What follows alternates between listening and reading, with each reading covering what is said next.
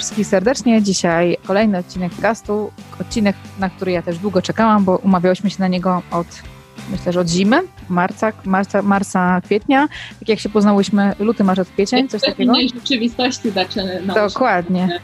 rozmowy. Tak, nasze rozmowy były z innej rzeczywistości. Też jakby ja też wierzę mocno, że, że nie ma przypadków i często osoby, które mm, gdzieś poznajemy, klikają i e, czy kontakt jest fajny, czy energia jest podobna, czy tematyka jest, jest taka łącząca się, a jakby ja bardzo lubię góry i temat Gruzji już mam od pewnego czasu wpisany na listę do zrobienia, jako wyprawa dla mnie osobiście fajna, gdzie mogę coś przeżyć ciekawego. I Ewa właśnie jak powiedziała, że zajmuje się turystyką wysokogórską, ma agencję, jedną największą agencję Gruzji i tam właśnie prowadzi ludzi, pomyślałam sobie, że no kurczę, super, więc koniecznie musimy nagrać rozmowę. I dzisiaj będziemy rozmawiać o górach, będziemy rozmawiać o wyprawach, o tym, co nam to daje, ale też o biznesie, tak, o tej mm, biznesie, który jest wyzwaniem i szczególnie w, od marca jest postawiony na mm, ma wyzwania, które chyba nie miał do tej pory, takie szczególne, które są związane właśnie z pandemią, z zamknięciem pewnych rzeczy, z trudnością w pracy. Więc będziemy dzisiaj o tym rozmawiać. Więc bardzo zachęcam Was do tej rozmowy. I od razu tutaj nie będę przedłużać i zapraszam tutaj Ewę, e, żeby powiedziała kilka słów o sobie. Tak, e, witam e, wszystkich. Tak jak zostało na wstępie powiedziane, od pięciu lat y, prowadzę agencję górską y, w Gruzji. W tym momencie y, na, największą, co jest dla mnie niezwykle ważne i co z Kasią przerabiam, co wynika z talentów Galupa, muszę podkreślić najlepszą oficjalnie, Mountain Freaks. Pod tym hasłem można nas wyklikać i namierzyć w internecie. I rzeczywiście ostatnie pięć lat y, mojego życia to był czas, kiedy ja w Gruzji mieszkałam na stałe, kiedy całe moje życie y, kręciło się wokół gór, głównie wokół jednej, tej, która jest wizytówką tego kraju, czyli Kazbeku, o którym pewnie będziemy zaraz więcej opowiadać. Tak, y, teraz mamy nową rzeczywistość, rzeczywistość pandemii. Gruzja w tym momencie jest zamknięta turystycznie na gości z Polski Polski i właściwie z większości y, świata. Także w tym momencie jesteśmy w zawieszeniu. Czekamy, aż to się wszystko dobrze, dobrze podkreślam, poukłada, czy to będzie miało miejsce tam za miesiąc, za dwa czy za pół roku. Jesteśmy na to gotowi, że trzeba chwilę poczekać. No ale co, już się szykujemy, tak pracujemy i tak mamy, że już się szykujemy do tego nowego otwarcia, mimo że jeszcze nie wiemy, kiedy ono nastąpi, to wiemy, że jak nastąpi, no to znowu zaczniemy robić e, w Gruzji e, i w Kaukazie, bo, bo wyprawę organizujemy nie tylko w tym kraju. No super rzeczy. I mam nadzieję, że dzisiaj Wam o tym poopowiadam i zachęcę do tego, żeby e, wpisać Gruzję na taką listę wypraw do odbycia po tym, jak e, znowu będzie podróżowanie możliwe e, w pierwszej kolejności. Mhm, będzie naszą misją ci zareklamować trochę ten kraj. Ja jeszcze od siebie dodam, że w grudniu miałam urodziny i dostałam taką książkę w prezencie, książkę Moniki Witkowskiej i po prostu dla mnie było dużym zaskoczeniem, więc sobie czytam właśnie rozdział, który dotyczył właśnie Kaz e, Gruzji, wejścia na Kazbek, tak? I tam też wasza firma była i też ty byłaś wymieniona, więc wiem, że ta wyprawa też Moniki była też waszym uczestnictwem. Ja was zachęcam w ogóle do śledzenia profilu Mountain Freaks, dlatego że tam jest dużo ciekawostek, dużo fajnych rzeczy się dzieje, piękne zdjęcia są i te zdjęcia, które jakby w trakcie, kiedy byliśmy w domu pozamykani, myślę, że wiele osób sobie powpisywało wyprawy wszystkie, że jak tylko się wszystko skończy, że wyjedziemy gdzieś, zrobimy coś takiego fajnego. U nas też jak tylko wszystko było odblokowane, pojechaliśmy w lipcu w góry od razu, tak? Mój mąż teraz w sierpniu jeszcze pojechał na dwa tygodnie, więc trzeba korzystać i jakby realizować swoje marzenia, bo być może będzie tak, że nie będzie okazji takiej, tak? Czy tak. zdrowotnie, czy pandemicznie coś się wydarzy. Ja wszystkim powtarzam, że trochę ta pandemia nas nauczyła nieodkładania marzeń na później, szczególnie tych związanych z podróżami. No ja akurat od lat bardzo długo, dużo podróżuję i e, gdzieś e, moi znajomi, wiesz, często słyszałam, słuchaj, ale my najpierw oszczędzamy, tam wiesz, najpierw to, tamto, tamto, później będziemy podróżować. No i dzisiaj jak się spotykamy, to ja mówię, no i co, mówiłam, żeby najpierw podróżować, bo ja już to wszystko widziałam, ja już tam byłam, a teraz to mogę sobie brać te kredyty na samochód i tak dalej, bo i tak siedzę w jednym miejscu, więc mam nadzieję, że tak, że jak znów będzie możliwe podróżowanie, to tak jak mówiłaś, że trochę mm, te wszystkie osoby, które odkładały te swoje marzenia i tak czekały, aż się przygotują, aż będą gotowe, aż wiesz, wszystkie inne rzeczy się zgrają, może się oka okaże, że jednak warto, warto te, te, te marzenia przyspieszyć, no bo nigdy nie wiemy właśnie, kiedy kolejny raz zostaną zamknięte granice. Mm -hmm. A też dla mnie zaskakujące jest, jeszcze zanim przejdziemy do samej rozmowy o Gruzji, o, o tym, jak to się zaczęło, do tej sytuacji kryzysowej. Dla mnie było to niesamowite, jak też w Waszej firmie, jak też decyzje, które podejmowałaś, były momentalne, szybkie, jak też talenty twoje zadziałały, tak? Bo mm, warto też powiedzieć słuchaczom, że tutaj Ewa ma bardzo dużo talentów wpływu, tak? To jest wiara w siebie, między innymi rywalizacja, e, dowodzenie i kilka jeszcze innych, tak? I jakby ja bardzo mocno zobaczyłam, miałam okazję zobaczyć jakby taki, takie talenty i lidera z tymi talentami w działaniu, kiedy e, podjęłaś bardzo szybko wiele decyzji, takich trudnych, do których ktoś inny mógłby stać w miejscu, czy nie robić z czegoś, czy mówić, no poczekajmy, zobaczmy, a u Ciebie to rzeczywiście zadziałało i na plus, tak mam wrażenie. Tak, y, akurat tak trochę byłyśmy w takim bieżącym kontakcie wtedy, tak mm. przez, w tym całym procesie, bo to był akurat ten moment, kiedy blisko współpracowałyśmy odnośnie właśnie pracy nad talentami, więc rzeczywiście dla mnie to było, wiesz, takie wsparcie, bo ty mi tłumaczyłaś, skąd te moje decyzje, wiesz, ja je intuicyjnie jeszcze podejmowałam, a ty mi je tłumaczyłaś, że one nie są takie do końca intuicyjne, tylko czasem, znaczy często wynikają właśnie z tych talentów, a ty mogłaś to obserwować. Bardzo ciekawe doświadczenie dla mnie.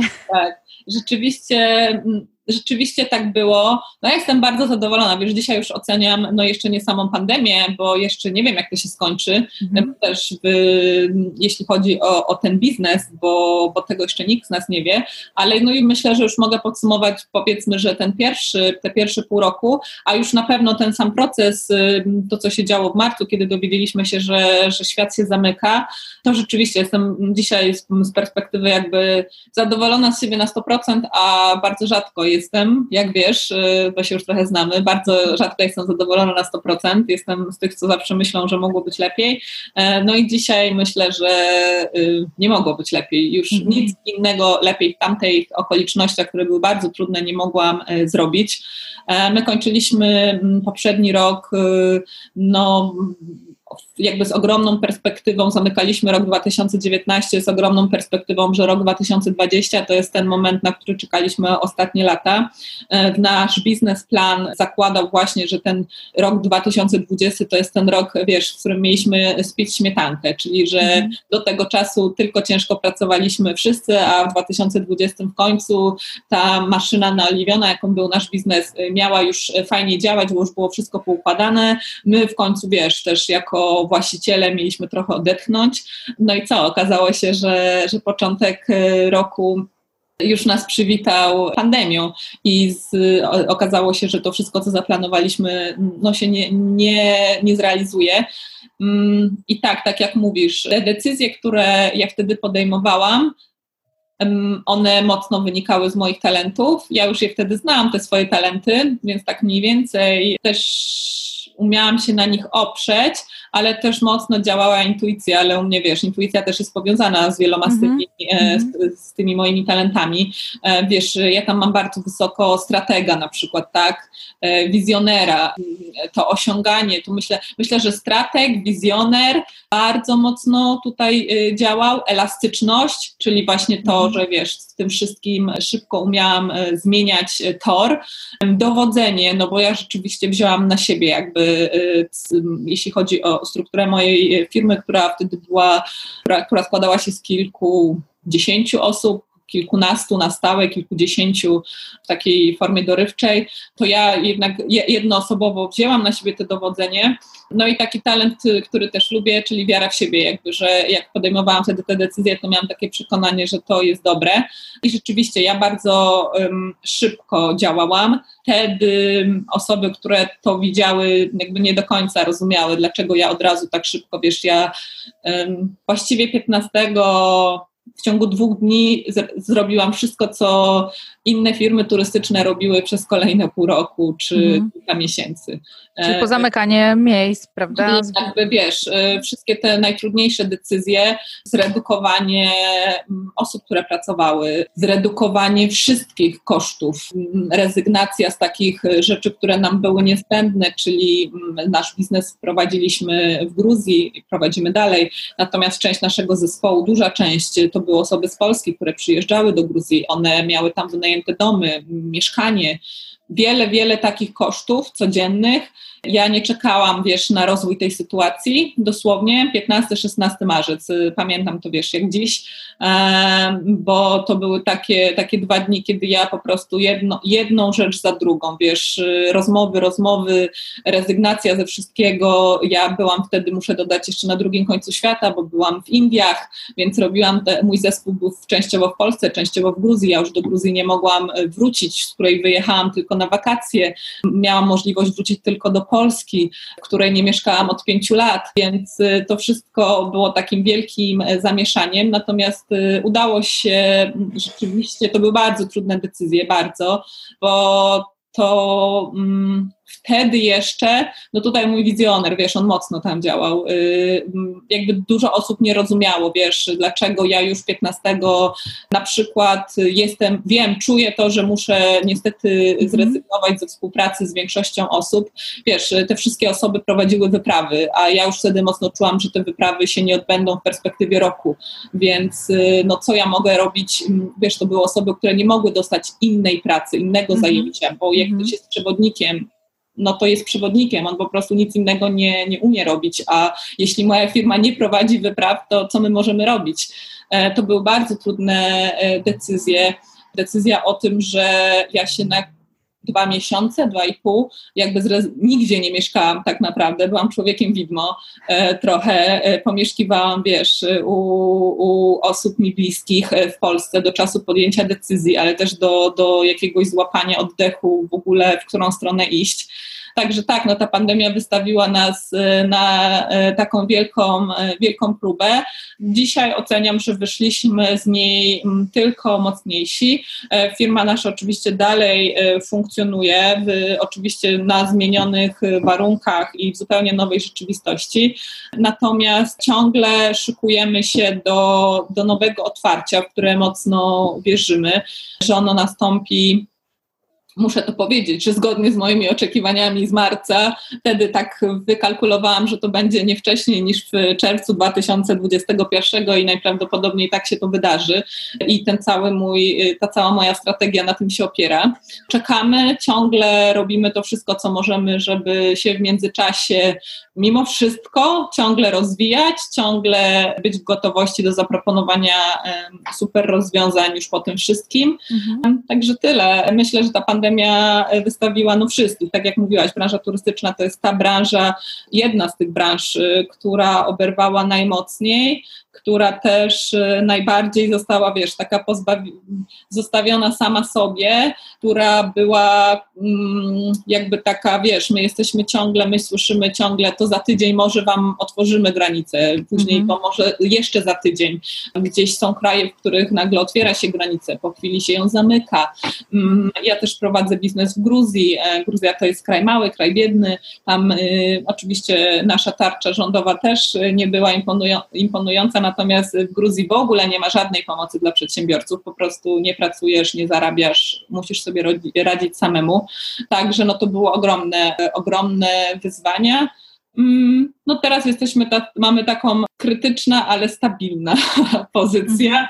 Jak ja tu mówię, jesteśmy tak na respiratorze, y, w śpiączce farmakologicznej, będziemy się wybudzać gdzieś w okolicach nowego roku, y, kiedy mam nadzieję, że już będzie wiadomo coś więcej o sytuacji na świecie i kiedy będzie można coś więcej zaplanować.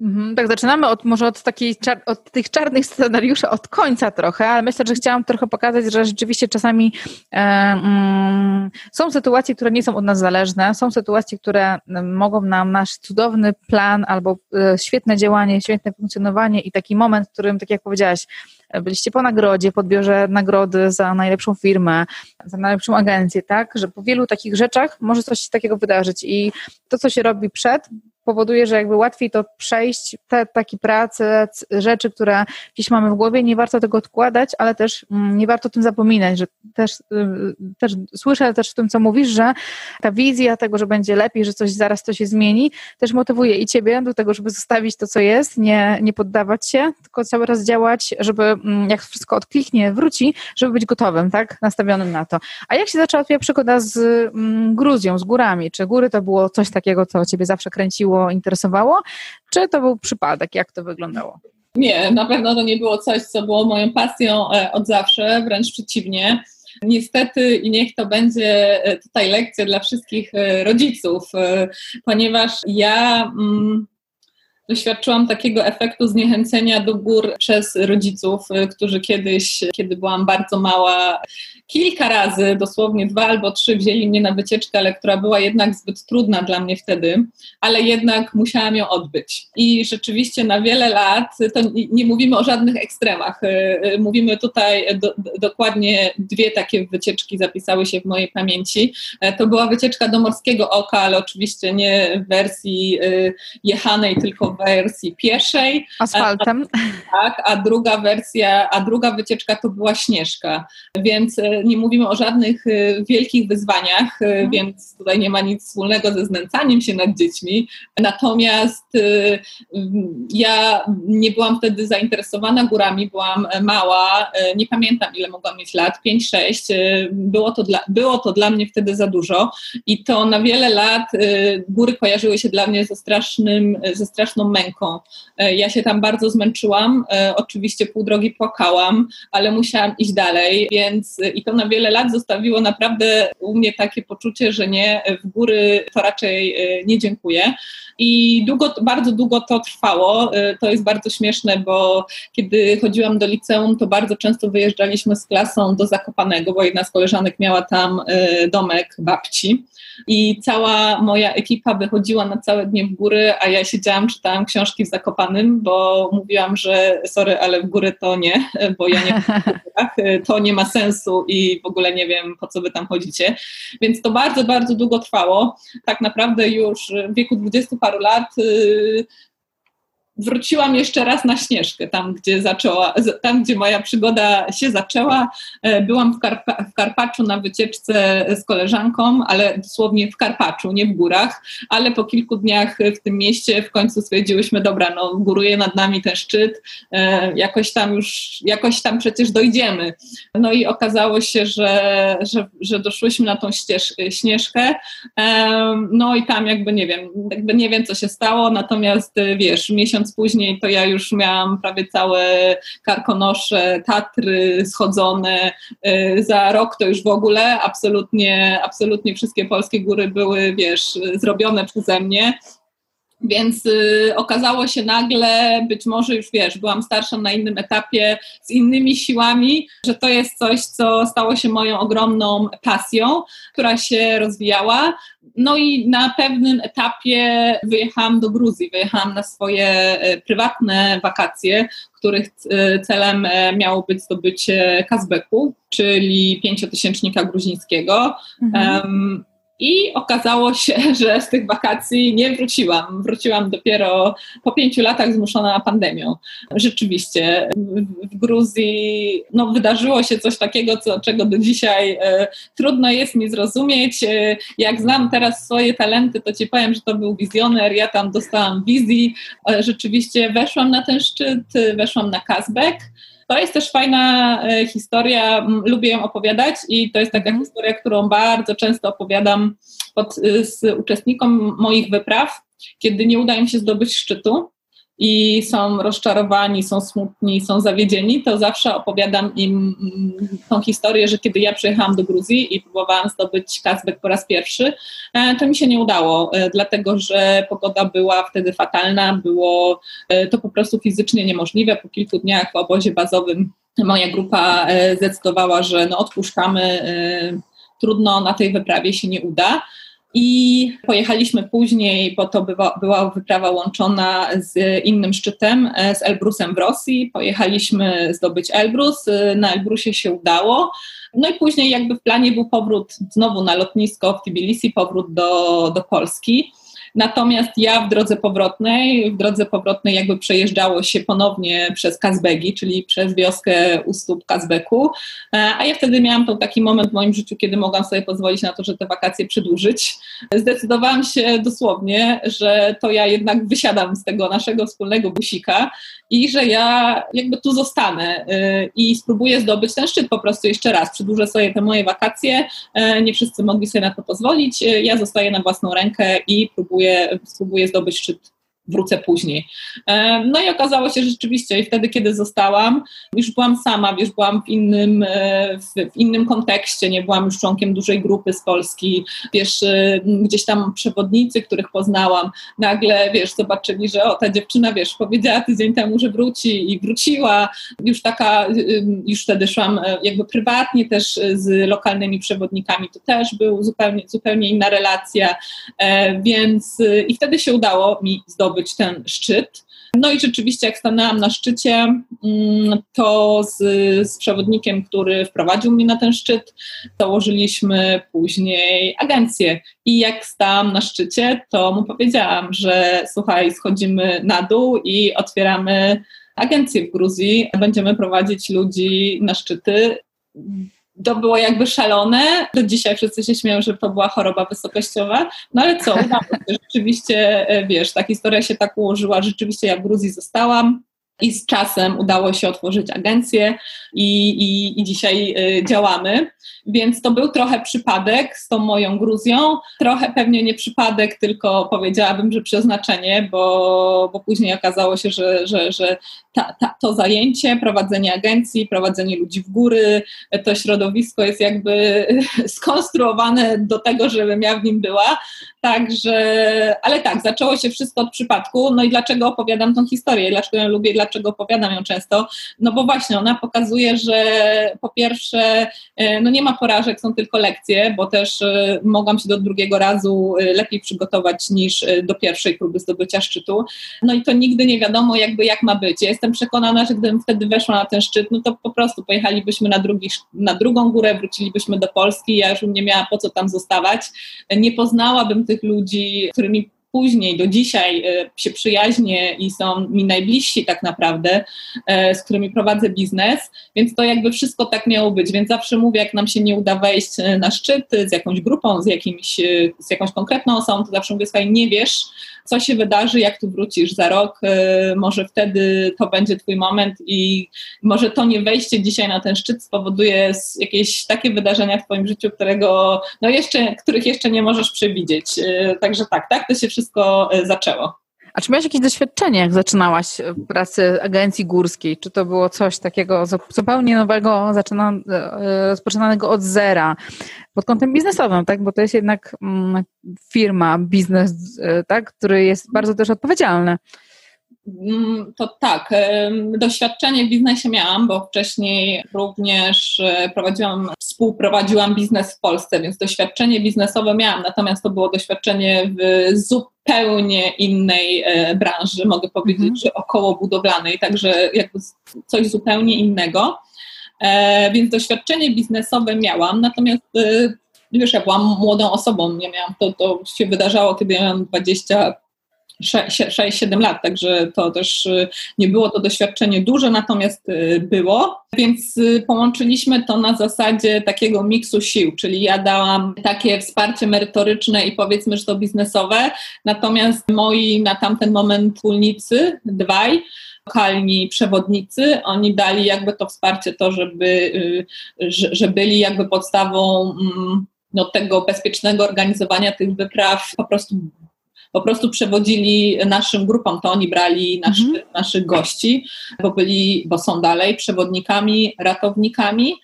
Także jakby oparliśmy się na tym, że ja mam pomysł i mniej więcej wiem, jak to zrobić biznesowo. Oni są świetni w górach i doskonale wiedzą, jak um, prowadzić ludzi w góry.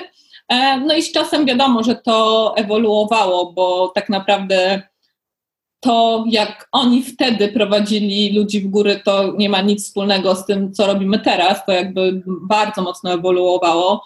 No natomiast taki był początek. E, ta, ta, ta, tak postanowiliśmy to pokierować. Oni znali doskonale góry, oni się urodzili pod Kazbekiem, oni na Kazbeku byli już wtedy kilkadziesiąt razy, kilkaset, a ja wzięłam na siebie e, tą całą organizację, no, tworzenie tego całego konceptu, jakim już miało być nie tylko takie chodzenie po górach, tylko jako po prostu marka, jako firma, jako przedsiębiorstwo. Mm -hmm. A Gruzja, mm, czym Ciebie zaskoczyła, tak? Bo to jest kraj przepiękny. Tam są e, jeden z widoków i takich miejsc, gdzie jest bardzo zielona. Też tam się Gruzja często kojarzy z e, winem, z pysznym jedzeniem, z tymi pieruszkami, z różnymi jeszcze innymi rzeczami. Zresztą niedawno był festiwal e, pierogowy, gdzieś tutaj lokalnie i też były um, gruzińskie przysmaki różne, tak? Gdzieś sobie też kupiłam, pomyślałam od razu o tobie, e, jedząc je i Gruzja nam się kojarzy bardzo pozytywnie, tak? Jako taki rzeczywiście kraj um, inny zupełnie. On jest też w takim regionie ciekawym też jest, e, jest krajem, który um, myślę się, że też krajem jest kontrastów różnych. Jakby co ciebie zaskoczyło w Gruzji samej? Dlaczego akurat tam zostałaś przez pięć lat? E, tak, wiesz co? Mm, dlaczego tam zostałam? To, dlaczego zostałam, to później e, jakby też zostało, wiesz, zweryfikowane, bo, bo nie zawsze to, co wydaje się, szczególnie w podróżowaniu, wiesz, ten, ten pierwszy odbiór e, kraju nie zawsze okazuje się, że jest e, prawdziwy. Gruzja jest bardzo ciekawym krajem, to na pewno. I jest takim krajem, który jest nieoczywisty i który właśnie na pierwszy rzut oka jest jakiś, a później, e, kiedy się w to wgłębimy, kiedy jesteśmy tam dłużej, kiedy tam mieszkamy, okazuje się e, nie tylko, że jest inaczej, ale mm, okazuje się, że jest zupełnie inaczej, e, jest zupełnie odwrotnie. Co też na pewno, wiesz, ja mam taką żyłkę dobywcy i, i takiego eksplorowania nieodkrytego, więc to też się w to mocno wpisywało. Mnie na samym początku, to był taki moment właśnie, jak wspominałam wcześniej, że ja mogłam sobie pozwolić na dłuższe wakacje, dlatego że to był taki moment, w którym mm, ja podjęłam taką decyzję, że po prostu robię sobie taki gapier. E, mhm. Nie było to po szkole średniej, nie było to po studiach, to raczej było po takim ciężkim okresie, kiedy ja bardzo długo pracowałam przez kilka wcześniejszych lat i, i to dość mocno jakby zabrało mi dużą e, część życia i stwierdziłam, że okej, okay, jakby, że to jak nie teraz, to nigdy, ciągle, mimo że byłam młodą osobą, to ciągle byłam w pracy, jakby nie miałam takiego życia studenckiego, bo już wtedy pracowałam, tak postanowiłam, że to jest dobry moment i mm, chciałam zrobić sobie taki rok podróży po, po świecie. I do tej Gruzji trafiłam trzecim, czwartym miesiącu tej podróży. Pamiętam, że miałam bilet do e, Tajlandii, bo byłam przekonana, że spędzę ten rok w większości w Azji. E, I no jakby nie wykorzystałam tego biletu, właśnie zostałam w Gruzji na ten, do końca tego roku, który był przewidziany na takie swobodne podróżowanie i później podjęłam decyzję, e, że zostaję. I to dlaczego, dlaczego nie pojechałam dalej? Dlatego że na, na, pewno zachwycił mnie rzeczywiście po prostu tak wizualnie ten kraj. No ja już wtedy bardzo góry y, kochałam, więc nagle zobaczyłam góry, ale znałam góry niższe, tak? Góry z Polski i wcześniej byłam powiedzmy na czterotysięcznikach y, tych europejskich, też Maroku, ale Gruzja, Kaukaz to jakby było takie olśnienie, tam jakby góry nie miały końca. Mm. Jeszcze ta miejscowość, y, do której ja trafiłam na samym początku przygody, no i w której tak naprawdę zostałam przez te wszystkie lata, no to jest jakby takim w sercu, w sercu Kaukazu. To jest y, miejscowość, która sama leży na dwóch tysiącach metrów, jest otoczona dookoła pięciotysięcznikami, więc y, no to zrobiło na mnie jakby takie ogromne wrażenie, y, takie przyrodnicze, ale też tej takiej siły, tej takiej surowości, więc to na pewno dla mnie zrobiło duże wrażenie. E, no i ludzie, e, muszę to powiedzieć, bo jakby w tym pierwszym kontakcie no Gruzini są jakby zupełnie wyjątkowi, tak jakby z nimi po 10 minutach czujesz y, się bardzo dobrze i tak jakbyście się znali całe życie. Oni mają taką, taki sposób komunikacji, taki sposób, e, wiesz, dbania o gości, bo to był ten moment, w którym mocno trzeba podkreślić, że pełniłam funkcję gościa, więc wtedy jestem e, jakby prezentem Boga, bo w Gruzji tak wierzymy, że goście są prezentami od Boga, więc jakby tak naprawdę wiesz, e, trzeba się o gościa troszczyć, trzeba go zabawiać, trzeba mu dać jedzenie, picie, mhm. opowiadać dowcipy, nawet jeśli nie znamy wspólnego języka, to trudno rękami, nogami, wiesz, e, na, na szczęście to już był czas, wiesz, nie wiem jakby było, gdybym tam trafiła 20 lat temu, ale w dobie tłumacza w telefonie wszystko się dało wtedy ogarnąć, więc okazało się, że jestem w przepięknym miejscu, dookoła jestem, wiesz, takim właśnie właśnie podarunkiem Pana Boga. Wszyscy tutaj dbają o to, żebym ja spędzała ten czas y, wesoło, żeby mi niczego nie brakowało. Był to też kraj, y, dalej jest, ale wtedy był też y, bardzo przystępny cenowo do tego, żeby spędzać tam dłuższy okres czasu, nawet nie pracując. No i okazało, właściwie postanowiłam, że okej, okay, no to to jest idealne miejsce, gdzie ja mogę spędzić, wiesz, ja to tak przedłużałam, nie? Najpierw dwa tygodnie, później jeszcze dwa tygodnie, jeszcze miesiąc, jeszcze miesiąc. E, ten kilka razy ten bilet, to był naj, najdroższy bilet do Tajlandii, no bo oprócz tego, że go kupiłam pierwszy raz, to pamiętam, że na pewno ze trzy razy go przebukowywałam, za każdym razem płaciłam za to, aż w końcu chyba za tym trzecim odwołaniem mówię, dobra, już go odwołuję, bo już nie ma sensu kolejny raz płacić, wiesz, za to przebukowanie, ja nie wyjadę z tej Gruzji, e, więc tak, no, no, no przyroda i, i ludzie. Mm, jakby później wiesz, no wszystko tak jak mówiłam, później gdzieś to zostało dużo y, rzeczy, które y, w pierwszym odbiorze mnie zachwyciły, y, później gdzieś tam z biegiem lat, kiedy straciłam status gościa, mhm. okazało się, że różnie niektóre rzeczy, że, że, że często to wygląda inaczej, natomiast to były takie dwie rzeczy, które zdecydowanie mnie zachwyciły i dlatego też polecam Gruzję wszystkim, E, bo niezależnie od tego, kto co lubi, e, to w Gruzji na pewno to znajdzie, bo jeśli lubicie e, góry, no to, to, to jakby to jest kraj górzysty, więc będziemy o tym mówić jeszcze, to o górach jeszcze się tutaj naopowiadam, ale jak ktoś nie lubi gór, to Gruzja ma morze, ma jeziora, ma stepy, E, oferuje wszystkie możliwe aktywności, turystykę konną, turystykę leże, leżenia i wakacje all inclusive, turystykę winną, turystykę gastronomiczną, e, turystykę, wiesz, zabytki i tak dalej, więc jest bardzo ciekawym krajem, w którym każdy coś znajdzie dla siebie, jest krajem przystępnym cenowo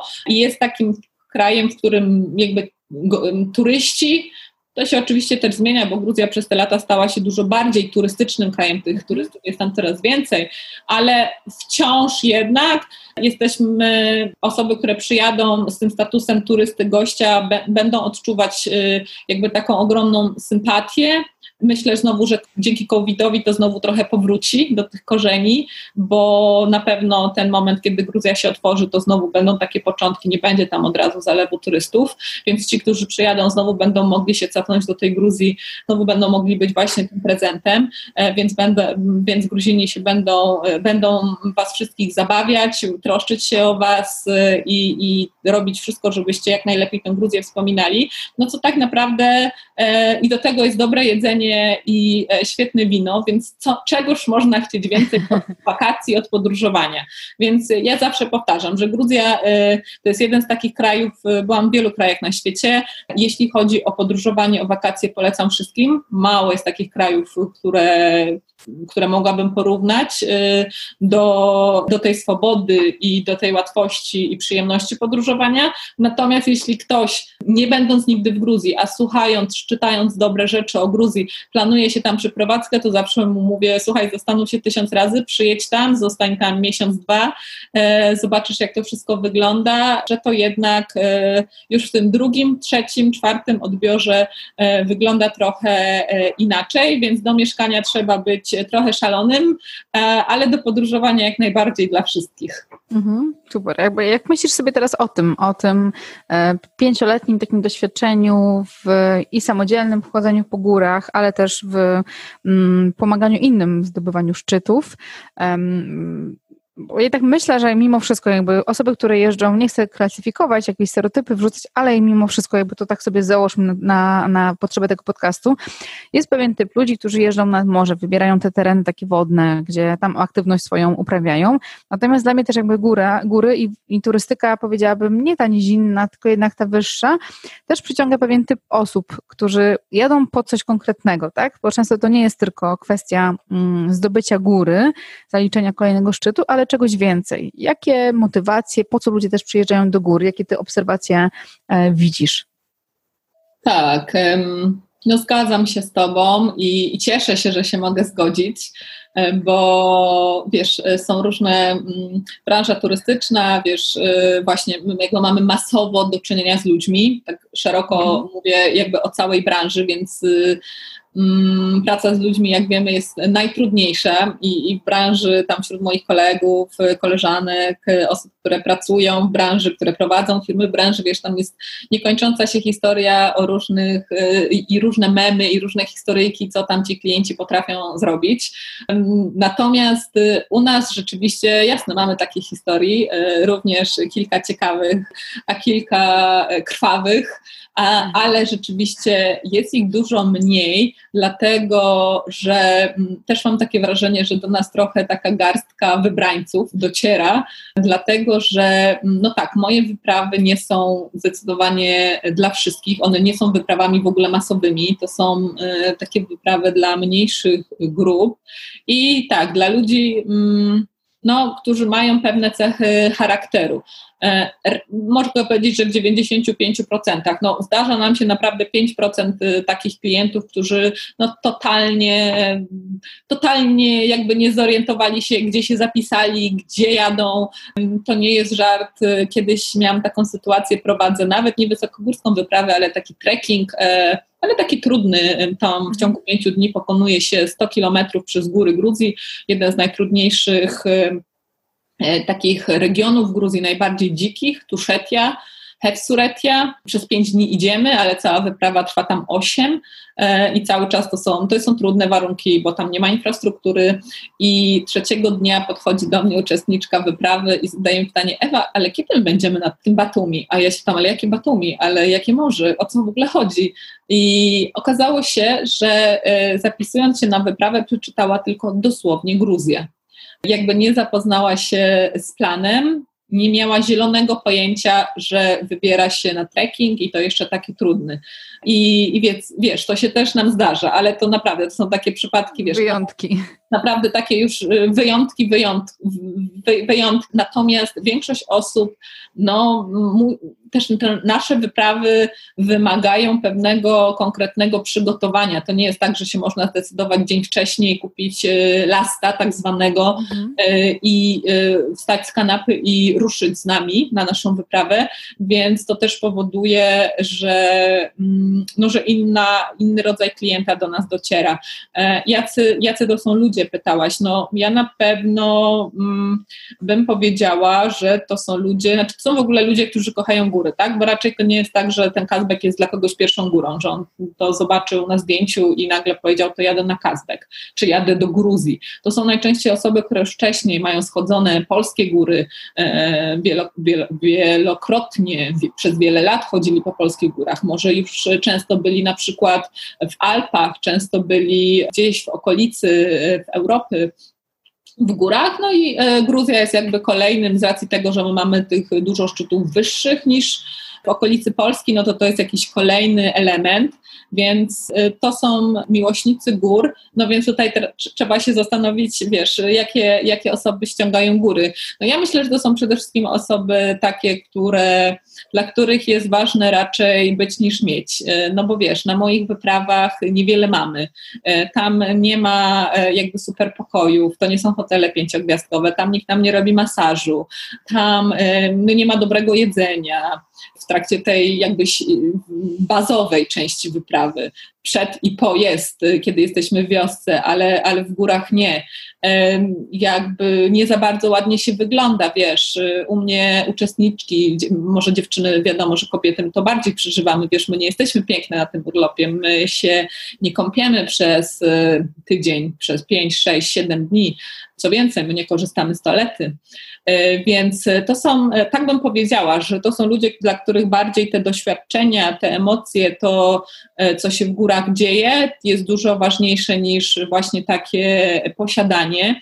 Zawsze też mówię, że za to lubię swoje wyprawy, że u nas na wyprawie to też muszą być tacy ludzie, którzy już umiem zapanować nad takim swoim ego, bo u nas jest, y, wszyscy są tacy sami i nie ma znaczenia, y, czy ktoś jest, y, wiesz, nauczycielką, sprzątaczką, jakimś menadżerem, czy jest politykiem, czy jest z Polski, z Francji, czy z nie wiadomo skąd. Y, mhm. Nie ma to absolutnie znaczenia. U mnie każdy jakby ma te same warunki na wyprawie i zawsze podaję taki e, przykład, który no może jest mało smaczny, ale zawsze mówię, że i wszyscy jesteśmy pozbawieni toalety, bo na moich wyprawach nie ma toalety w górach i wszyscy musimy iść za kamień E, I tak mówię, że nie ma znaczenia, jakby wiesz, kim jesteś, będziesz e, za tym samym kamieniem, za którym wszyscy inni.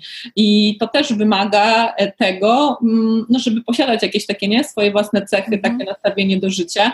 I myślę, że te takie przeciwności, które które są wpisane w tą wyprawę wysokogórską, wyprawę, którą ja organizuję, to już tak zawężają trochę pole, E, że bardzo dużo osób przypadkowych, czy osób takie, które właśnie e, bardziej e, chcą mieć niż być, to ich po prostu tam nie będzie. Mhm, mhm, bo jednak to jest zgodzenie się na pewne takie niewygodne bardzo warunki, a też jeszcze myślę sobie o tych osobach, mm, że być może, może się mylę, jakby ich wspólnym mianownikiem też może być to, że każdy ma jakąś intencję własną, osobistą. Nie zawsze musi się pewnie nią dzielić. Czy też tak jest? Tak, na pewno, tak. Wiesz, y, mm, bardzo dużo, większość, myślę, że większość, może nie wszyscy, ale zdecydowana większość mm, y, uczestników moich wypraw tak, idzie z czymś swoim w głowie. To wejście na ten szczyt to jest tylko taka symbolika, to stanięcie na szczycie.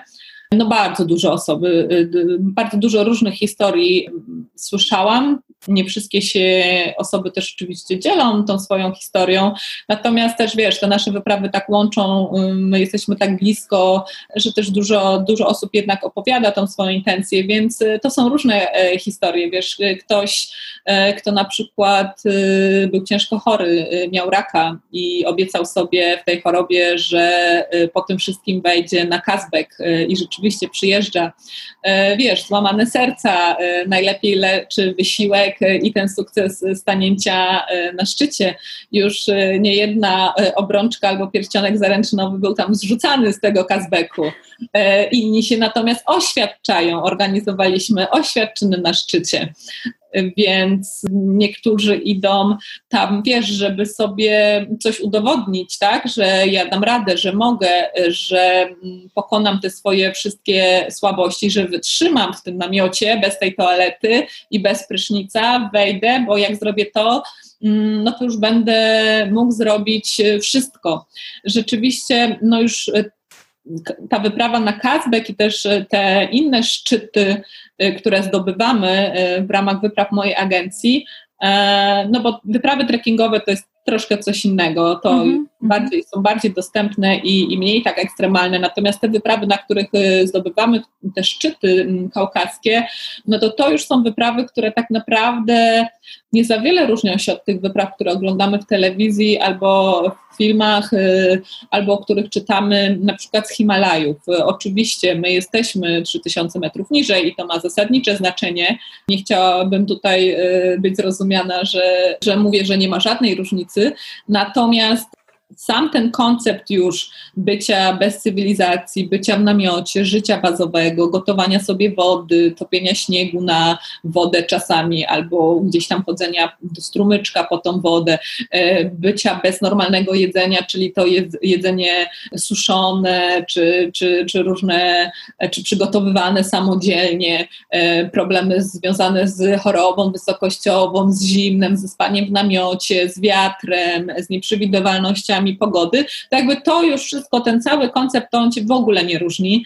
Jakby ja też miałam okol- prywatnie, pobywałam e, szczyty Himalajach, więc y, oprócz tego, że oczywiście tam było wyżej, natomiast pod innymi względami nie za wiele się to dla mnie różniło. Co więcej powiem, jak pojechałam w Himalaje, to byłam oczywiście mm, byłam bardzo zaskoczona tym, że pogoda na Kaukazie jest dużo ostrzejsza i trudniejsza niż w Himalajach. Mi było bardzo, jest mi zawsze na Kaukazie bardzo zimno i jestem zawsze, zawsze zmrożona. Wiedzą to wszyscy uczestnicy moich wypraw e, i w Himalajach było mi ogromnie ciepło podczas zdobywania szczytu, e, szczytów i później to zbadałam, rzeczywiście okazało się, że, że, że te góry Kaukazu no, mają taką swoją specyfikę, że są rzeczywiście dużo chłodniejsze niż inne i że na naszym pięciotysięczniku warunki pogodowe no, są zbliżone do 6,5, może w podywach nawet siedmiotysięcznika e, w Himalajach, więc to naprawdę nie jest zabawa.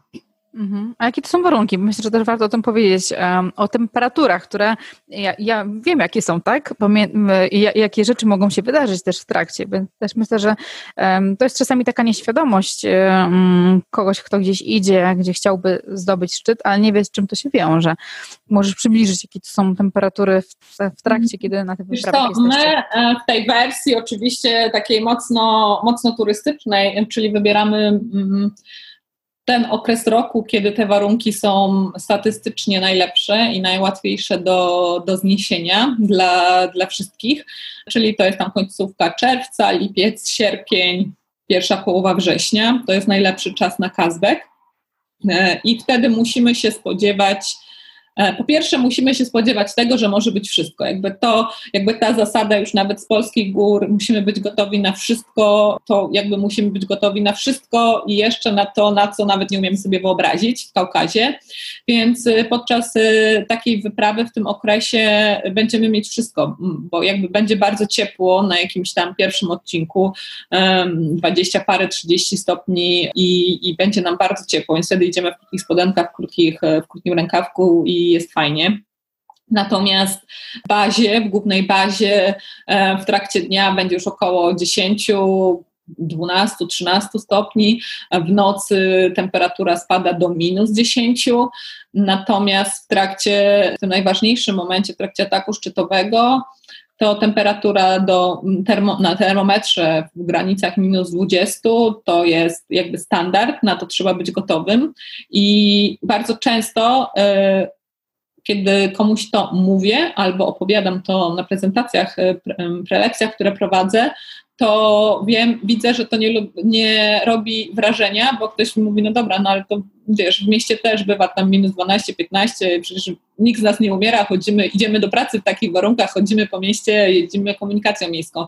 Tylko mm, tutaj to są tylko te temperatury na termometrze, natomiast my w górach bardziej interesujemy się tym wskaźnikiem temperatury odczuwalnej, a minus 20 w Warszawie, a minus 20 na szczycie Kazbeku to jest jakby no, zupełnie inna rzeczywistość. Mhm dlatego że w górach tą temperaturę czujemy inaczej. E, tam mamy do czynienia z tym, że to jest środek nocy, e, bo wtedy się toczy atak szczytowy. Najpewniej mocno wieje, a wiadomo, że wiatr sprawia, że jest nam jeszcze chłodniej. Bardzo często pada śnieg, który sprawia, że jesteśmy mok- e, moksi.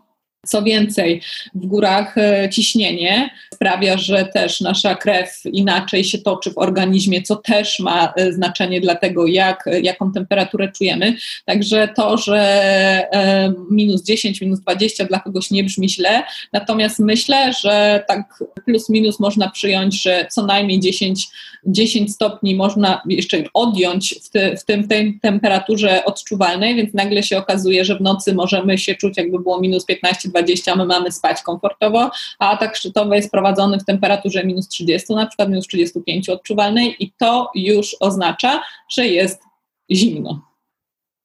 Mm -hmm.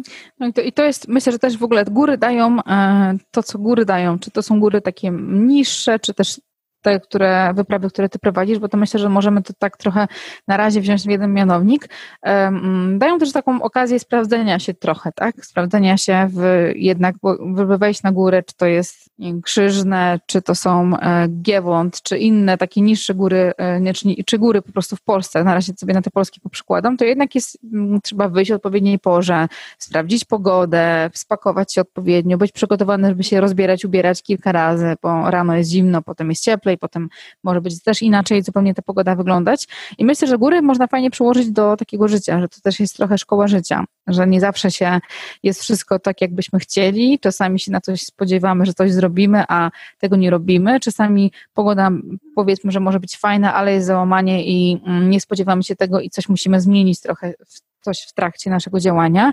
Czasami przeceniamy nasze siły, czasami mamy gorszy dzień i nie spodziewamy się tego, tak? Plus też jakby wędrówka, e, wejście na jakąś górę jednak zakłada, nie wiem, 5-6 godzin na zwykłą górę polską, 5-6 godzin jakby poświęcone w trasie, tak? Gdzie coś trzeba zrobić, coś, gdzieś trzeba dojść i zmierzyć się z sobą. I myślę, że to jest taki element, który, którego wiele, wiele osób też szuka, takiego kontaktu, nie wiem, z naturą, doświadczenia nawet swoich emocji, bycia z samym sobą w swojej głowie i myślenia, tych myśli, które się pojawiają, e, tego, że mówisz sobie, po co tutaj przyszedłem, jest tak zimno, że nie wiem, po co tutaj jestem, tak to chciałem zrobić, ale nie. Więc jakby dużo pewnie rzeczy można wynieść z takiej wyprawy, tak, dla samego siebie, takiej, czy nawet wiedzy o sobie samym, E, wiedzy o sobie samym w kontekście, jak ja działam na przykład w grupie, tak? Bo tak jak powiedziałeś, że są pewne grupy, które zakładacie na tydzień, które są jakby zespołem i razem muszą funkcjonować, tak? Czy są powiązane linami z przewodnikiem i też muszą sobie jakoś radzić. Nie, jest, nie ma wtedy jednostki, takiego ego, tylko jesteśmy jakby zespołem, bo dbamy o swoje bezpieczeństwo wzajemnie. Tak, wiesz, e, tak, e, wszystko. W ciągu takiej wyprawy tygodniowej e, dzieje się wszystko, wszystkie emocje i, i tak, to jest taki, taka, takie życie, wiesz, w pigułce tak, no góry, góry i te trudy tej wyprawy to wszystko potęgują. No tutaj wszystko ma znaczenie, tak? Ten proces przygotowań, który trwa wiele miesięcy, takich fizycznych, technicznych, ale też tego, co my, jak swoją głowę do tego przygotu przygotujemy.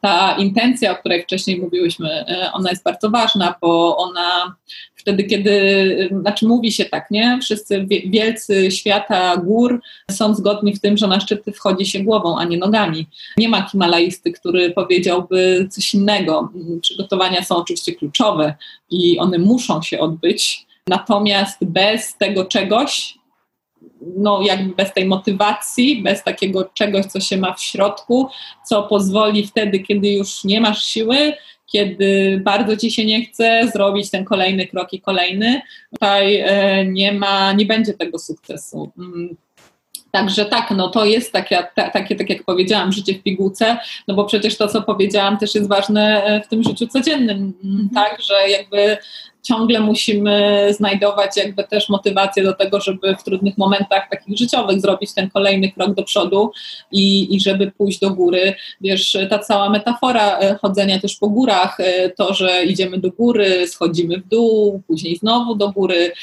tego, że, że nigdy nie, że, że często są niektóre szczyty e, fizycznie są tak zbudowane, że zanim pokaże nam się ten prawdziwy szczyt, tak realny wierzchołek, to mamy po drodze tak zwane mm, false peak, tak, po angielsku, czyli e, te szczyty takie fałszywe, że nam się już wydaje, że my widzimy ten szczyt e, i już się cieszymy, ale jak dojdziemy, to się okazuje, że hej, to jeszcze w ogóle nie było Kolejny. E, tam mhm. jeszcze trzeba zejść znowu w dół, wejść do góry i jeszcze dopiero skręcić w dolinę i dopiero później. Więc to trochę też jest tak jak w życiu, że że czasem nam się wydaje, że już jesteśmy gdzieś tam bardzo, bardzo blisko, a później jest e, spadek, e, a czasami nam się wydaje, wiesz, ale czasami też dla optymizmu podam w drugą stronę. Czasami mm, jest coś takiego, że uczestnicy moich wypraw tak bardzo się nakręcą, że będzie to no tak źle, ale tak źle i tak trudno, że jak stają na tym szczycie, to mówią już, ale naprawdę? To już jest już, bo wiesz, oni się szykowali na coś jeszcze gorszego i są tak pozytywnie rozczarowani, znaczy pozytywnie zaskoczeni, e, że, że, że już im się udało, a oni powiedzmy nie uruchomili 100%, mieli jeszcze zapas.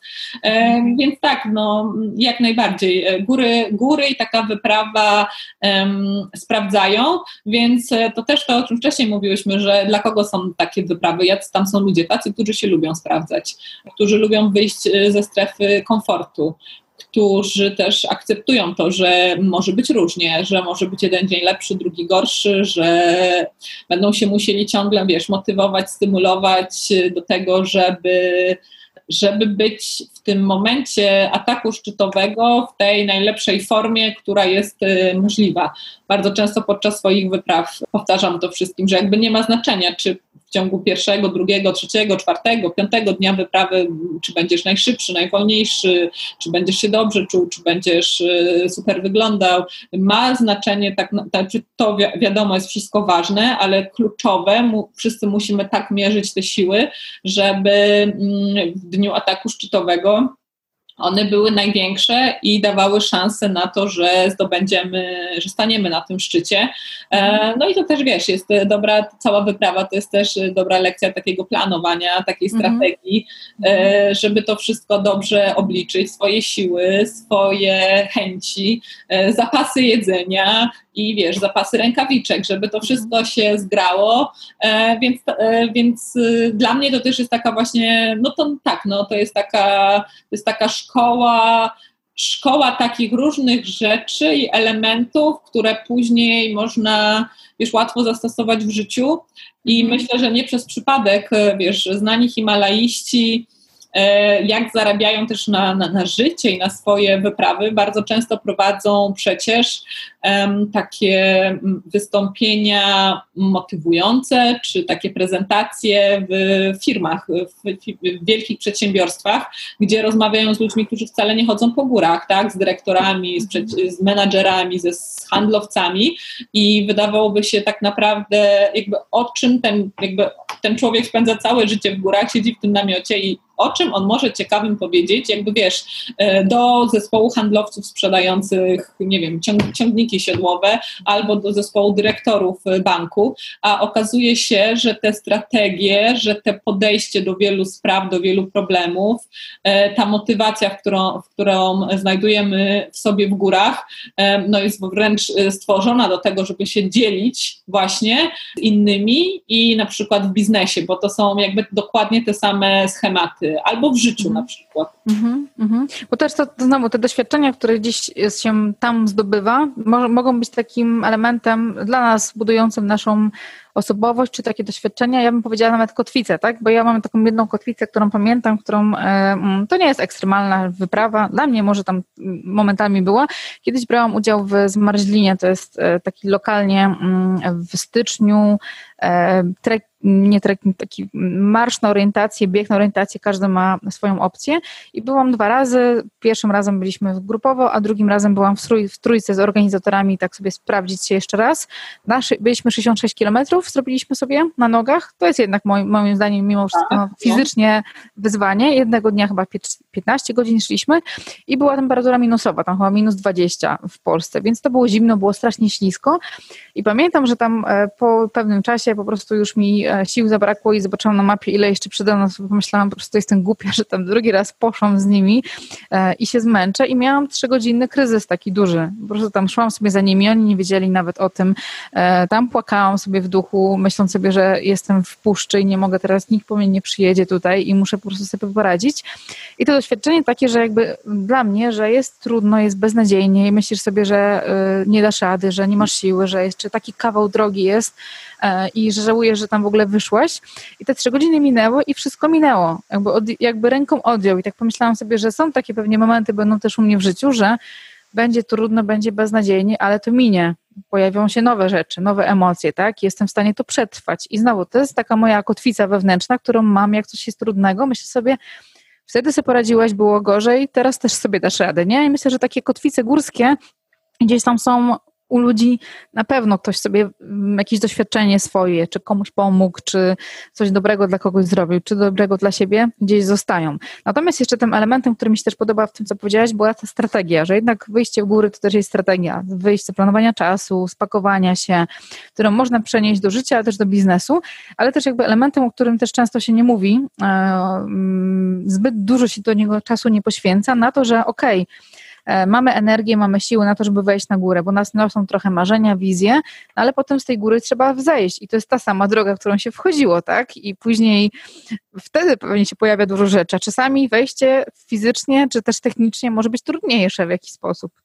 No tak, najwięcej wypadków, e, statystycznie najwięcej wypadków dzieje się w górach właśnie na zejściach, nie na wejściach, bo mm, no my na wejściu mamy ogromną adrenalinę, e, no to motywację, my tam walczymy o ten nasz e, sukces, więc ten szczyt nas woła, nie? I tam naprawdę mm, no dajemy z siebie te 100%, stajemy na szczycie i, i też to zawsze powtarzam, my stoimy na szczycie podczas wyprawy różnie. Różnie, czasami od minuty po 15 powiedzmy, taki jest przedział czasowy, mm. więc, y, a wyprawa trwa tydzień, także to jest jakiś taki, wiesz, to nie jest nawet procent um, czasowy. To jest jeden z najważniejszych momentów, bo nie, bo nie wiem, czy najważniejszy, ale, y, ale na pewno zdecydowanie najkrótszy. No i tak, no a później trzeba zejść. I, i wiesz, jak ktoś da z siebie na tym wejściu 100%, y, mm, no to wiesz, okazuje się, że on nie ma siły zejść. E, bo, bo tak jak powiedziałaś, to jest znowu ta sama droga. E, my ciągle musimy być silni, ciągle musimy być uważni. My to wszystko, co było trudne, czyli powiedzmy szczeliny lodowcowe, podejście, zejście, śnieg, y, oblodzenie, to jakby znowu z tym wszystkim będziemy się zmagać. Także tak, e, tutaj też no właśnie ta strategia zachowania sił i zachowania tej motywacji bardzo często. No, to jest jakby standard, y, że nas, jakby to zejście to jest jakby takie, to jest już takie toczenie się i najczęściej, jeśli mamy dobrą pogodę, to my sobie na to pozwalamy, tak? My tam, to nie są zawody, e, my nie musimy być w określonej, w określonym czasie zejść, e, ten czas nie ma takiego dużego znaczenia ogólnie, więc my się możemy potoczyć z grupą, i najczęściej to tak wygląda, że o ile na wejściu, wiesz, to, to była ten, ten power, ta energia, to zejście jest takie, że tam idziemy 10 minut i siadamy i i wszyscy myślą i dobra, no to jeszcze, dobra, 10 minut i to tak, takie jest toczenie się w dół, bo wiesz, z ludzi nagle odpływa wszystko, mhm. natomiast nie zawsze można sobie na to pozwolić, bo są czasem takie warunki, że my wiemy, że za godzinę, czy za dwie, za trzy będzie dużo załamanie, że my musimy na, jakby jak najszybciej znaleźć się na dole,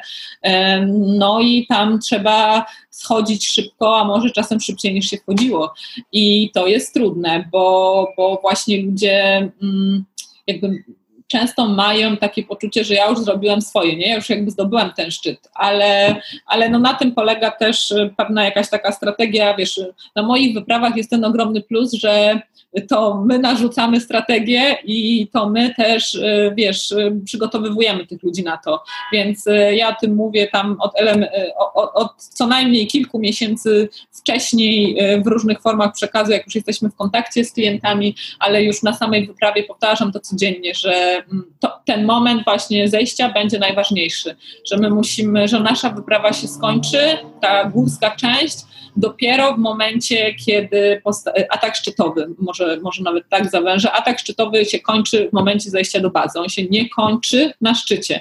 To jest, e, no to jest bardzo ważne, to jest bardzo kluczowe, a to wiesz, to czasem nie jest e, takie logiczne, bo muszę powiedzieć, że zaobserwowałam to nawet w górach y, u wielu przewodników, których obserwuję, czy o, o, u osób, które prowadzą grupy w góry że nawet czasem e, tacy liderzy mają takie poczucie, że skończyli swoją pracę na szczycie i tam wiesz, zejście to już jakoś będzie, czy tam ludzie sobie poradzą, to już nie ma takiego znaczenia, e, więc e, no bo, no bo to jest taka pułapka, w którą wpadamy, nie? To takie przeniesienie trochę z życia, że zdobyłem szczyt, szczyt i koniec. No ale właśnie, to jest ta lekcja, którą dają góry, że no nie, po szczycie jeszcze trzeba zejść, znowu do dolinki, no i to, odpocząć chwilę i wiesz, ja uwielbiam też ten moment y, podczas wyprawy, kiedy no jak schodzimy ze szczytu, to absolutnie, wiesz, ludzie nie chcą myśleć nawet o tym, że mogliby wejść na, jako, na jakiś kolejny szczyt, e, wykonać jakikolwiek e, wysiłek fizyczny, fizyczny. Najsilniejsi są totalnie zmęczeni, no ale schodzimy później do wioski, jest kolacja, wyśpią się w łóżku i kolejnego dnia przy pożegnalnym śniadaniu, wiesz, już słyszę, no to za rok jedziemy tu, no to słuchaj, za trzy miesiące spotykamy się w Tatrach na zrobienie tego. I jakby pojawiają się, wiesz, to tak jak w życiu, nie? Że, że chwilę chwilę odpoczniemy, złapiemy siły i już planujemy kolejne, kolejne rzeczy. No i też jest super ten moment właśnie, jak po tym zdobyciu szczytu siedzi, siedzimy sobie na przykład na tarasie pensjonatu, w którym mieszkamy. I wiesz, grupa patrzy na ten szczyt, na ten Kazbek, bo, bo akurat mamy tak fajnie, że, że z wioski, w, która, w której mieszkamy, w której toczy się to życie uczestników wyprawy, zanim wyjdą w góry, jakby Kazbek góruje nad tą, e, ten szczyt góruje nad tą wioską, więc go widać.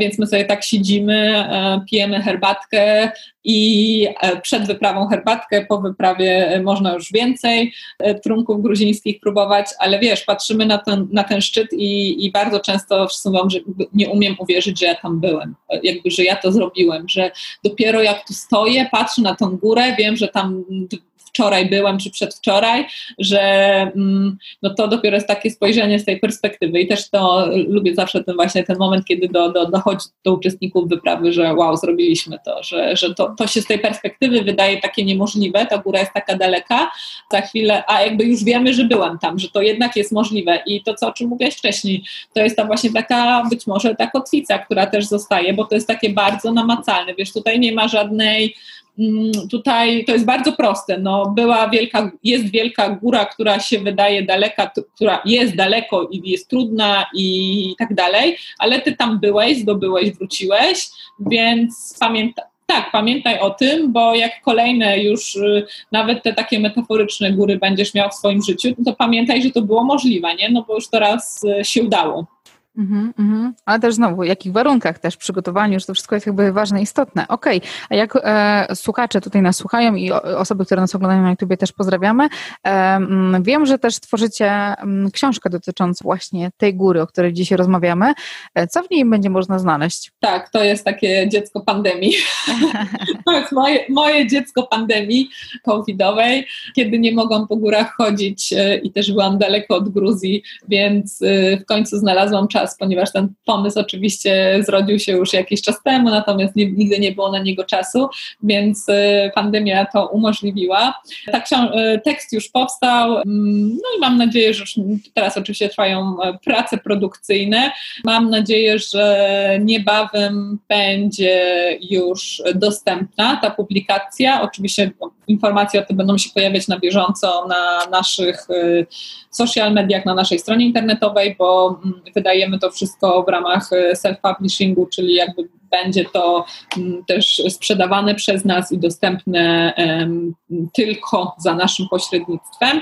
Natomiast e, tak, rzeczywiście, no wiesz, ja o Kazbeku przez pięć lat opowiadałam praktycznie notorycznie, e, niezależnie od tego, czy byłam w Gruzji, czy w Polsce, czy gdziekolwiek, cały czas o Kazbeku opowiadałam. Prowadziłam też mnóstwo spotkań takich turystycznych, wystąpień na festiwalach podróżniczych, na prezentacje, takie prezentacje przychodziły tam setki, tysiące, nawet bym powiedziała, osób łącznie na, te, na, na wszystkich tych, na tych wszystkich spotkaniach, w tych wszystkich spotkaniach uczestniczyło. No natomiast ciągle pojawiały się pytania, ciągle, były taki, ciągle był taki niedosyt.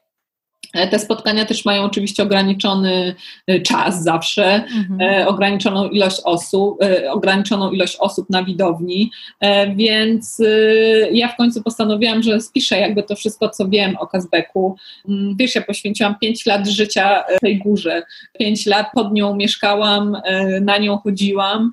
No wydaje mi się, że znam każdy sekret tej góry. Już, już, już naprawdę chyba nie ma tam niczego, co mogłoby mnie zaskoczyć, co nie znaczy, że e, kiedykolwiek idę tam fizycznie na pamięć, albo że, że jak o niej myślę, to, to wiesz, też wszystko rozumiem, ale, ale jak najbardziej, więc postanowiłam, że to po prostu spiszę, e, po to, żeby było to w takiej dostępnej formie e, dla wszystkich, żeby to był taki przewodnik, poradnik dla tych wszystkich, którzy się przygotowują.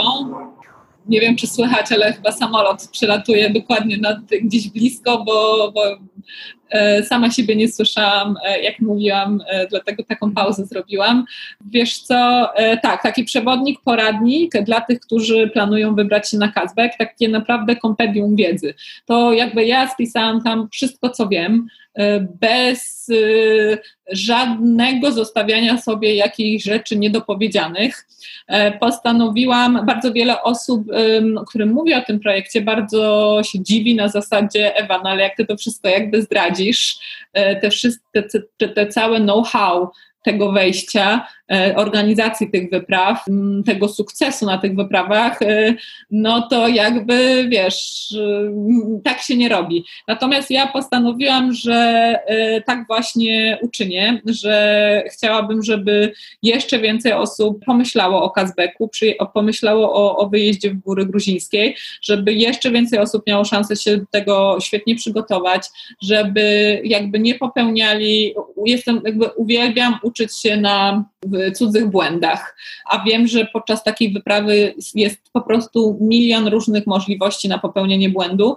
Od tego, że będzie nas to kosztować po prostu tym, że nie zdobędziemy szczytu, bo to jeszcze nie mhm. jest żadna tragedia, do tragedii już prawdziwych, kiedy po prostu można stracić życie albo zdrowie. Takich przypadków wiele również było wiele takich historii uczestniczyłam w nich też jakby um, oglądając y, to jakby z inne grupy, które, które, które się wspinały, które później miały problemy y, w trakcie swojej wspinaczki. Także postanowiłam, że spiszę to wszystko w jednym miejscu i tak, no i zostawię. To jest taka wiedza, która się, to jest też taki duży plus, bo to jest taka wiedza, która się nie zmieni, to będzie aktualne dzisiaj, jutro i pojutrze i tak naprawdę jest tam wszystko. Od tego, kiedy zacząć myśleć o cashbacku, jak się przygotowywać przez wiele miesięcy, po to, gdzie zarezerwować sprzęt, jaki sprzęt, e, gdzie się wynajmuje, wiesz, konia do wynajmu, e, do transportu bagaży, e, mhm. czy jest smaczne jedzenie do kupienia w głównej bazie, czy je kupować, czy nie kupować, ile ono kosztuje, jak wygląda strefa toalet, który przewodnik jest fajny, a jak y, zrobić tak, żeby nie iść takim, który y, nazywa się przewodnikiem, a nim w ogóle nie jest y, i ma na koncie swoim kilka ofiar śmiertelnych. Mm, cała droga na Kazbek jest opisana jakby krok po kroku. Tak naprawdę droga z Polski na Kazbek, na szczyt i powrotna na lotnisko jest opisana krok po kroku. No, są tam naprawdę, jest tam cała strategia opisana, cała logistyka, cała strefa, no, jakby wszystko. Dosłownie, wiesz, tutaj nie miałam żadnych ograniczeń. Zawsze przy jakichś podcastach, przy wywiadach, przy prezentacjach, no, muszę się ograniczyć, wybrać te najlepsze rzeczy. Mhm. Tutaj tak naprawdę nie byłam niczym ograniczona, więc y, rzeczywiście postanowiłam e, napisać wszystko, co wiem, e, Powstało z tego około, teraz to się składa, ale około 150 e, stron na razie jest tekstu, więc to naprawdę jest dużo i to jest o jednej górze. Więc myślę, że to będzie super wskazówka. Gdyby ktoś dał mi to przed moją pierwszą wyprawą, no byłabym ogromnie szczęśliwa i właśnie tak to jakby pisałam, czy, czy sama chciałabym dostać coś takiego. Mam też jakieś takie szczyty, mm, które są w sferze moich marzeń e, prywatnych e, na świecie i e, gdyby ktoś napisał coś takiego o tym moim wymarzonym szczycie i też mi jakby mogłabym szansę mieć, zakupić taką publikację, też byłoby super, więc pomyślałam, że no to będzie takie super dopełnienie tego wszystkiego, tak? Bo my dużo mówimy, dużo opowiadamy, mamy dużo materiałów, ale to jest takie, jak ktoś też, to jest wiesz, taka opcja też dla zapracowanych i leniwych. Jak ktoś nie chce dużo zbierać informacji, sam szukać, sam się interesować, robić taki bardzo zaawansowany research, to jak dostanie e, naszą publikację, to będzie miał wszystko w jednym miejscu. W pigułce w jakiś sposób tak, też? Tak, no, tak, to jest taka encyklopedia Kazbeku, dokładnie, dokładnie tak. No jest, ale jakby z samego tekstu on jest tutaj najważniejszy. No jestem bardzo zadowolona i taka dumna, że rzeczywiście udało się, udało się to wszystko zebrać e, w całość. E, no i teraz tylko strefa graficzna, e, dokończenie projektowania, składania i będzie, i będzie to w gotowości. Także ci wszyscy, którzy myślą, myślą o cashbacku w przyszłym roku, to już będą mogli korzystać z tego kompendium wiedzy i już mają jakby ułatwioną sytuację. Tak naprawdę cały koncept tego polega na tym, trochę tam piszę w tej książce zresztą i, i jakby podtrzymuję to. Ja daję taką gwarancję, że jak ktoś y, kupi mm, tą publikację i naprawdę zrobi to wszystko tak, jak ja tam opisałam, z jedną gwiazdeczką na pogodę, bo oczywiście, y, tak jak już wspominałam, to jest ten jedyny aspekt, na który nie można go zaplanować, nie można go opłacić, nie można, wiesz, nic nie możemy z tym zrobić. Natomiast y, wyłączając pogodę, jeżeli ktoś rzeczywiście zrobi to wszystko tak, jak ja tam piszę, tak jak polecam, tak jak radzę, to wejdzie na ten szczyt. To po prostu zdobędzie ten szczyt bezpiecznie, bo to jest dla mnie też, bo dla mnie samo stanięcie na szczycie nie jest kluczowe, tak? Dla mnie jest ważne bezpieczne y, wejście na szczyt i bezpieczne zejście. Ja napisałam tą książkę, ale też staje za tym autorytet y, nie tylko mój prywatny, ale całej naszej agencji, przewodników, którzy dla mnie pracują, no bo oni też się dzielili swoimi doświadczeniami, swoimi poradami. E, no także wszyscy którzy o Kazbeku wiedzą wiele albo najwięcej, w jaki sposób podzielili się t- tą wiedzą w tej, w tej książce i, i, i dlatego, dlatego, mam nadzieję, że ona będzie no, bardzo przydatna dla tych, mm-hmm. którzy mhm. będą ją czytać. Super, to jakby zachęcamy do e, lektury tej książki. Myślę, że nasz odcinek się pojawi w tym blisko bardzo premiery, więc też będziecie od razu podamy link do tej książki, żebyście mogli sobie do niej zajrzeć. Ale też powiedz, e, gdzie możemy znaleźć e, Twoją firmę, jaki link będzie strony, jak ktoś by chciał się wybrać na wyprawę, która jest właśnie z Wami organizowana, czy to indywidualną, czy mm, delikatnie grupową. Tak, e, zapraszam e, wszystkich. E, no najłatwiej oczywiście wpisać w internecie hasło Mountain Tricks, czyli nazwę mojej agencji. Można też szukać łatwiej, czyli po moim imieniu i nazwisku Ewa Stachura z dopiskiem Gruzja, bo, te wyszuki, bo, bo takie hasło też pokieruje Was dość łatwo do nas. Oczywiście mamy stronę internetową, mamy profil na Instagramie, na Facebooku, no i tam w, w Wszystkie te profile e, prowadzimy aktywnie, wszędzie odpisujemy na bieżąco. Też zawsze zachęcam, jakby, żeby pisać, żeby się kontaktować, bo oprócz tego, że, że oczywiście jakby prowadzimy biznes, no to my też pełnimy taką funkcję w porozumieniu z resztą, z władzami naszego miasteczka, takiej informacji turystycz, no, turystycznej, nie górskiej. Więc można do nas pisać nawet wtedy, kiedy ktoś nie chce iść z nami na wyprawę, ale chce się dowiedzieć jakichś rzeczy związanych z Kazbekiem, w ogóle z, z trekkingami w Gruzji, z Gruzją, ponieważ też uzyska e, od nas e, odpowiedź. Zawsze mówię tak, że jakby na etapie przygotowań do wyprawy, szczególnie wysokogórskiej, nie ma głupich pytań, ale później jak ktoś nie zada tych głupich pytań, to później jest głupio przygotowany już w trakcie wyprawy i mu się ta wyprawa nie udaje. Także ja zachęcam, żeby pytać i, i zawsze też wszystkich zachęcam, jakby, że właśnie nie ma tych głupich pytań, że nawet jak ci się wydaje, pytaj o wszystko. Y, jest tak y, jedną też taką historię, którą zawsze sobie przypominamy, jak jeden z, z naszych klientów wysłał nam y, listę sprzętu, już się spakował na wyprawę, przed wyprawą spisał to wszystko, co spakował, wysłał nam do, do sprawdzenia, e, no i tam się za, zaczynała ta cała lista od pięć e, par bokserek. Siedem par skarpetek. I jakby się właśnie z tego śmiejemy, wiesz, to dzisiaj, że sprawdzamy nawet ilość y, bielizny spakowanej, ale wiesz, okej, okay, no i jakby no, wydaje się to śmieszne, dla niektórych może głupie, ale okej, okay, ale on dowiedział się, że okej, okay, to ci wystarczy, cała reszta sprzętu też jest ok. Także lepiej zapytać e, naprawdę o wszystko, e, żeby być dobrze przygotowanym, bo niestety góry, jak wiemy, nie lubią nieprzygotowanych. Także tak, zapraszam e, do kontaktu, no i oczywiście tak, zapraszam zainteresowania się tą naszą książką i mam nadzieję, też będę czekała bardzo na, na opinię i na to, czy ona się przyczynia do tego, żebyście się lepiej do wyprawy przygotowali. Mhm. Ja trzymam kciuki też swoją drogą za to, żeby te wyprawy były możliwe e, dla, dla nas wszystkich i żeby to jak najszybciej bezpiecznie było możliwe i żeby wszystkie te czarne chmury, które są teraz na turystyce zniknęły i żeby wszystko wróciło do normy. A ja Tobie Ewa bardzo dziękuję za dzisiejszą naszą rozmowę.